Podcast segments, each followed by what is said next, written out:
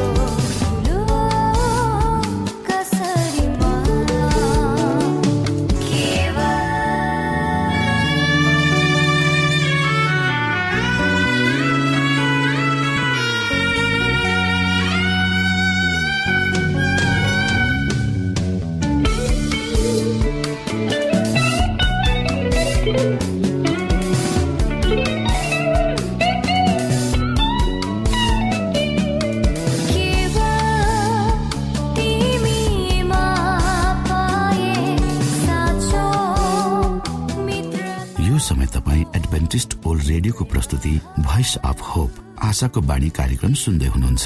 श्रोता मित्र यो समय हामी पास्टर उमेश पोखरेलबाट आजको बाइबल सन्देश सुन्नेछौ।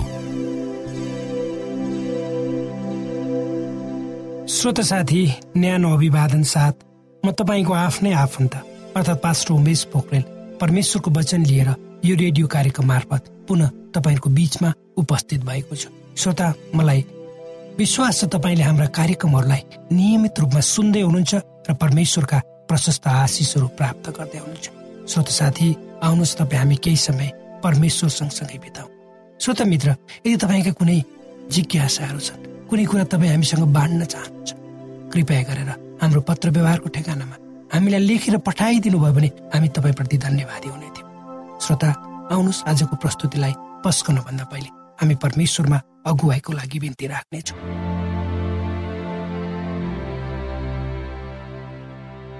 जीवी जिउँदो महान दयालु परमेश्वर प्रभु हामी धन्यवादी छौँ।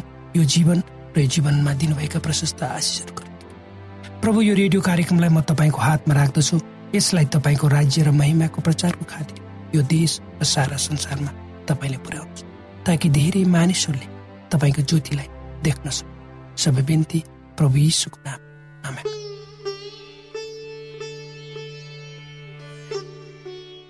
श्रोता साथी केही कुरा कसैसँग तपाईँ हामी माग्न हिचकिचाउँछौँ लाग्दछ कोहीसँग माग्यौँ भने हुँदैन वा दिन्न भन्यो भने कस्तो शर्ममा परिन्छ भने होइन तर परमेश्वरसँग माग्न तपाईँ हामीले हिचकिचाउनु पर्दैन किनकि उहाँले हामीलाई चाहिएको कुरा दिने प्रतिज्ञा गर्नुभएको छ परमेश्वर अनुग्रहकारी र करुणामय हुनुहुन्छ त्यसैले त पवित्र धर्मशास्त्र बाइबलको दोस्रो इतिहास सात अध्याय चौध पदमा।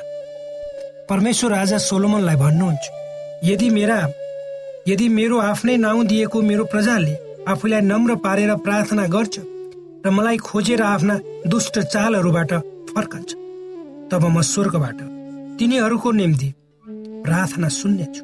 तिनीहरूका पाप क्षमा गर्नेछु र तिनीहरूको देशलाई म स्वस्थ परमेश्वरले सोलोमन राजाको प्रार्थनाको जवाब दिनुहुन्छ र उनले बनाएको मन्दिर बनाउने कामलाई जब पूर्णता दिइन्छ। जब उक्त मन्दिरको समर्पणको समयमा राजा सोलोमनले उक्त मन्दिरमा परमेश्वरको उपस्थितिको निम्ति बिन्ती गर्दछन् र परमेश्वरले उहाँको सम्मानको लागि गरिएको कुरामा खुसी हुनुहुन्छ। र उहाँ उनीहरूको बिचमा भएर उनीहरूको परमेश्वरको रूपमा रहन तयार हुनुहुन्छ। तर एउटा शर्त भनेको उनीहरू आफ्ना दुष्टताबाट फर्केर परमेश्वरतर्फ फर्कुन्। भन्ने थियो। यो शर्त अवस्था परमेश्वर र परमेश्वरका जनहरू बिच सधैँ रहिरहन्छ। र यहाँ अहिले पनि छ र यसमा कुनै सम्झौता हुँदैन। कसैले पनि परमेश्वरको इच्छा अनुसारको जीवन जिउन तयार नभई उहाँको आशिष र आनन्द प्राप्त गर्न सक्दैन। श्रोता साथी समय समयमा त्यति बेलाका राजाहरूले परमेश्वरको विरुद्धमा विद्रोह गरे। र मानिसहरू मूर्ति बजातिर ढल्के र परमेश्वरको खिलले उडाए। उनीहरूले जीवित परमेश्वरका मानिसहरू भएको आफ्नो परिचयलाई पनि गुमाए। परमेश्वरको आराधना गर्नुभन्दा त्यति बेलाका चाडपर्व उत्सवहरू उनीहरूको निम्ति महत्वपूर्ण भए। त्यसकारण उनीहरू आफैले आफूमा रोगहरू बन्धनहरू निम्ताए र आफू आफै नाशतर्फ बढ्थे। तर अहिले अब परमेश्वर यी सबै कुराहरूलाई क्षमा दिन चाहनुहुन्छ र आफ्ना मानिसहरूलाई निको बार्न चाहनु तर शर्त के हो भने तिनीहरू सबै विनम्रतापूर्वक पश्चाताप गरी परमेश्वरतर्फ फर्कनु पर्ने हुन्छ। जब परमेश्वर महान राजा र पवित्रतामा आफ्ना सबै दुश्मनहरूलाई आगोद्वारा नष्ट गर्दै आफ्नो जनहरूमा ज्योति बनी देखा पर्नुहुन्छ। श्रोत साथी परमेश्वर असल हुनुहुन्छ। उहाँले आफ्ना जनहरूको हेरचाह र ख्याल राख्नुहुन्छ र उहाँसँग हाम्रो खुसी र आनन्दको निम्ति दिने धेरै कुराहरू छन्। तर शर्त भनेको त्यही नै हो। उहाँलाई प्रेम गर्ने र उहाँका आज्ञाहरू पालन गर्ने। त्यसकारण आउनुहोस्। परमेश्वरमा उभियौँ पाप नगरौँ र परमेश्वरको डरमा उहाँ माथिको ठुलो आशामा जिउँ र उहाँको बाटोमा हिँडौँ त्यसैले त पवित्र धर्मशास्त्र बाइबलको रोमी आठ अध्यायको एकतिस बत्तीस पदमा यसो लेखिएको छ। यदि परमेश्वर हामीतर्फ हुनुहुन्छ भने हाम्रो विरुद्धमा को हुन्छ? को हुन्छ? जसले आफ्नै निजी पुत्रलाई बाँकी राख्नु भयो तर हामी सबैको निम्ति उहाँलाई दिनुभयो कि उहाँले हामीलाई सबै थोक पनि उहाँकै साथमा दिनुहुने छैन। अवश्य दिनुहुन्छ। हो श्रोत साथी परमेश्वरले हामीलाई सबै कुरा दिनुहुन्छ। त्यसैले उहाँले हामीलाई धेरै कुरा पहिले नै दिइसक्नु पनि भएको छ। सबभन्दा ठुलो उपहार परमेश्वरले यसु क्रिस्टलाई हाम्रो खातिर दिनुभयो। परमेश्वरले हाम्रो खातिर स्वर्ग नै खनाउनु भयो। किनकि तपाईँ हामीले मुक्ति पाऊ र हामी बाँच्न सकौँ परमेश्वरले हाम्रो खातिर केवल आफ्नो पुत्रलाई पनि बाँकी राख्नु भएन। उक्त महान बलिदानलाई हामी मानवीय समाजले बुझ्न अवश्य सक्दैनौँ होइन र। हामी सबैले खुसी पार्नुपर्छ। हामी सबैले खुसी मान्नुपर्छ कि प्रभु येसुमा हामी पापबाट विजय हुन सक्छौँ। तर परमेश्वरले आफ्नो पुत्र ती मानिसहरूलाई दिनुभयो जसले उहाँको बलिदानलाई कुनै महत्व दिएन। न त उहाँको स्वर्गीय राजकुमारको पदलाई नै उनीहरूले सम्मान गरे। तर पनि यसुले उक्त विद्रोही संसारमा आफ्नो जीवन दिन चाहनुहुन्छ। दिनुभयो। उहाँलाई थाहा थियो कि संसारमा यस्ता धेरै मानिसहरू पनि हुनेछ जसले उहाँको बलिदानलाई महत्व दिनेछ उहाँको धार्मिकतामा आफूलाई ढाक्न चाहन्छ। त्यसैले पवित्र धर्मशास्त्र बाइबलको रोमी आठ अध्यायको अठाइसदेखि तीस पदमा पावल प्रेमिलो दयावन्त र क्षमाशील परमेश्वरको विषयमा यसरी बोल्छन् भन्छन् हामीहरू जान्दछौँ उहाँलाई प्रेम गर्नेहरू र उहाँका अभिप्राय अनुसार बोलाइएकाहरूका निम्ति हरेक कुरामा परमेश्वरले भलाइ नै गर्नुहुन्छ। जस जसलाई उहाँले पहिलेबाट चिन्नु भएको छ उहाँले। तिनीहरूलाई आफ्ना पुत्रको रूप समान बनाउनलाई धेरै भाइहरू मध्ये उहाँ चाहिँ ज्येष्ठ हुन् भनेर अघि नै नियुक्ति गर्नु। जस जसलाई उहाँले अघिबाटै नियुक्ति गर्नुभयो तिनीहरूलाई उहाँले बोलाउनु पनि। र ज जसलाई उहाँले बोलाउनु भयो तिनीहरूलाई उहाँले धर्मी पनि ठहराउनु। र ज जसलाई धर्मी ठहराउनु भयो तिनीहरूलाई उहाँले महिमित पनि पार्नु। परमेश्वरले दिनुभएको सुन्दर निश्चयता एवं भरोसाको बारेमा पावल लेख्दछ। हामीसँग दुईटा समस्याहरू छन्। एउटा हामी निरन्तर उहाँसँग माग्दैनौँ। उहाँको उपहार माग्दैनौँ। न त परमेश्वरले हामीलाई उहाँले दिने उपहारहरू जबरजस्ती दिन गर्ने गर्नुहुन्छ। दोस्रो कुरा हामीहरू धेरै पटक उहाँले दिनु भएका उपहारहरूलाई गलत रूपमा प्रयोग गर्छौँ। उहाँको उपहारहरू सित्तेमा पाइन्छ। उहाँले दिने सबै कुराहरूमा उहाँको प्रेम र बलिदान हामीले देख्न र अनुभव गर्न सक्छौँ। त्यसकारण उहाँमा कुनै पनि दुविधा बिनै आफ्ना कुराहरू राखौँ समस्याहरू भनौँ। अनि परमेश्वरले तपाईँ र मलाई कति बेसी दिनुहुने रहेछ त्यसको प्रत्यक्ष अनुभव अहिले नै गरौँ। यी वचनहरूले तपाईँलाई परमेश्वरले आफ्नो जीवनमा हिँड्नको लागि अगुवाई गर्नुहोस्।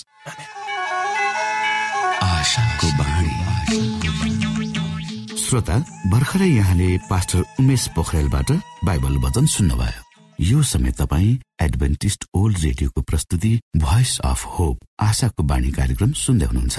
कार्यक्रम सुनेर बस्नुहुने सबै श्रोतालाई हामी हाम्रो कार्यक्रममा स्वागत गर्न चाहन्छौ।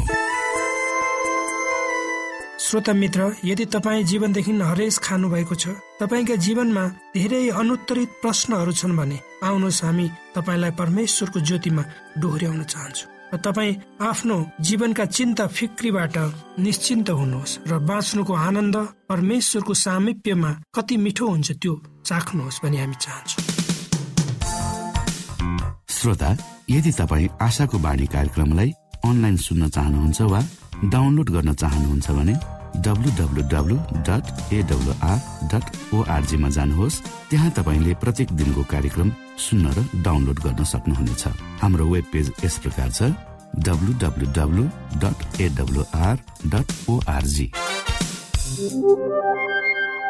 श्रोता यदि तपाईँ हामीसित सिधै फोनमा सम्पर्क गर्न चाहनुहुन्छ भने हाम्रा नम्बरहरू यस प्रकार छन्। अन्ठानब्बे एकसाठी पचपन्न शून्य एक सय बिस। अन्ठानब्बे एकसाठी पचपन्न शून्य एक सय बिस। र अर्को अन्ठानब्बे अठार त्रिपन्न पन्चानब्बे पचपन्न। अन्ठानब्बे अठार त्रिपन्न पन्चानब्बे पचपन्न। श्रोत साथी न्यानो क्रिस्टी अभिवादन। म तपाईँको आफ्नै आफन्त पास्टर उमेश पोखरेल। परमेश्वरको गवाईहरू लिएर तपाईँहरूको बिचमा उपस्थित भएको छु। र आजको गवाई पेरु भन्ने देशबाट आएको छ।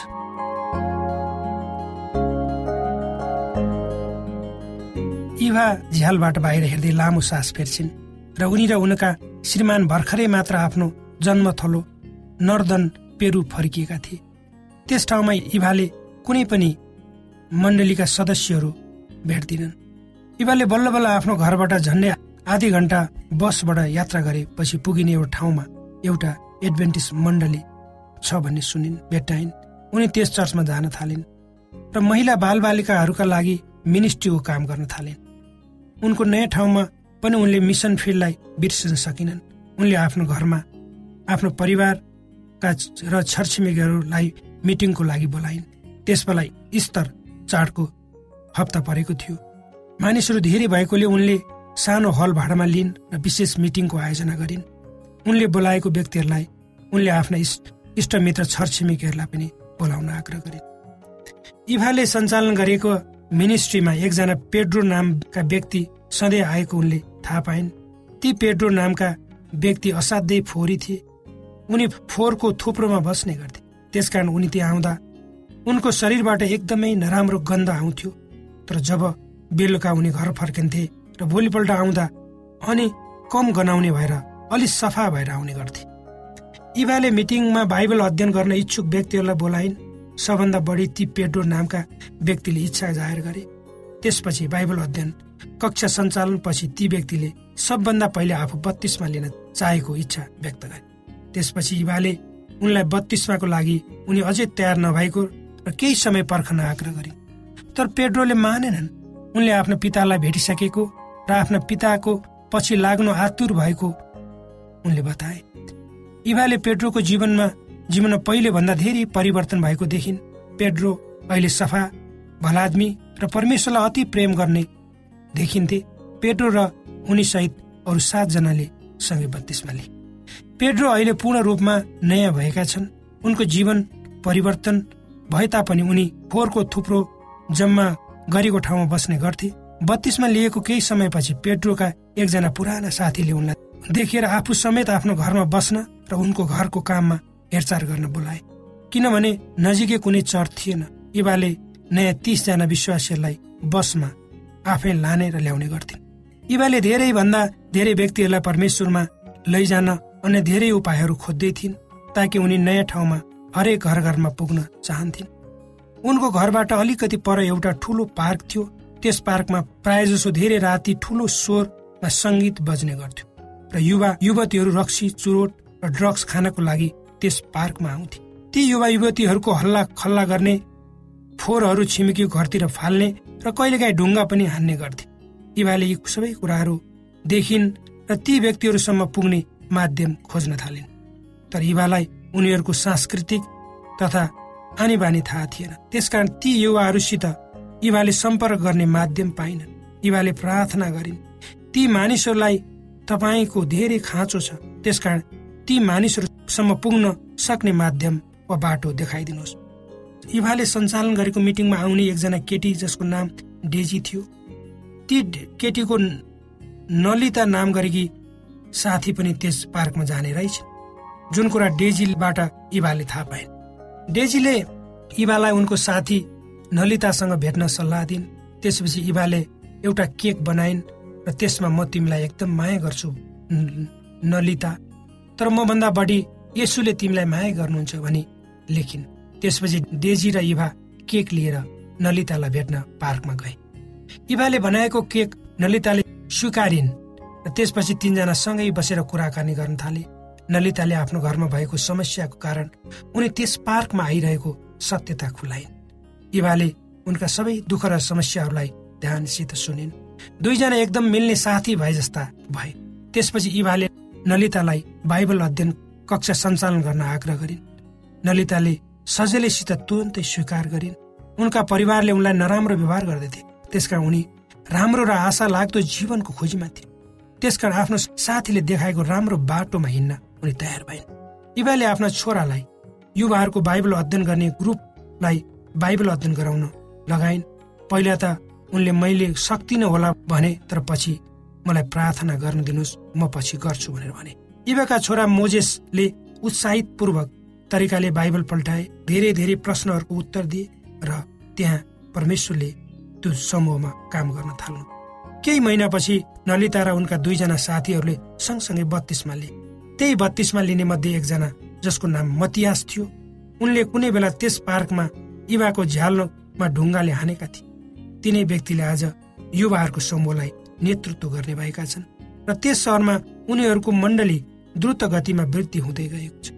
नलिता कुनै बेला त्यस पार्कमा कुलतमा फसेकी केटी आज तिनै युवाहरूलाई आफ्नो विश्वास र परमेशको प्रेम बाँड्ने गर्छन् युवा भन्छन् जब म सहरमा आएकी थिएँ त्यस बेला म मात्र एक्लै एडभान्टेज थिएँ तर आज परमेश्वरले मलाई सुन्दर परिवार दिनुभएको छ। अहिले युवाको चर्चमा पचहत्तर जना भन्दा बढी सदस्यहरू छन् धेरै बच्चाहरू छन्। उनीहरू अहिले सानो एउटा घरमा जम्मा हुने गर्छन् र परमेश्वरले त्यो ठाउँमा ठुलो आशिष पठाउँदै हुनुहुन्छ। कोभिड नाइन्टिनका सम्पूर्ण खोप वा भ्याक्सिनको सफल परीक्षण गरिएको छ। यी भ्याक्सिन लिनाले हामी गम्भीर बिरामी हुनबाट जोगिन सक्छौ। त्यसैले तपाईँ पनि यो खोप लिनुहोस्। यदि तपाईँलाई पहिले नै कोभिड पोजिटिभ देखिसकिएको छ भने तपाईँ यो खोप चाँडै नै लिनुहोस्। यसो गर्नाले हामी र हाम्रो समुदायमा रोग प्रतिरोधक शक्ति चाँडै नै आउनेछ र हामी सबैजना पहिले जस्तै सामान्य जीवनमा फर्कन सक्दछौ। युनेस्को डब्लुएचओ र रेडियो कार्यक्रम आशाको बाणीबाट जनहितमा जारी सन्देश।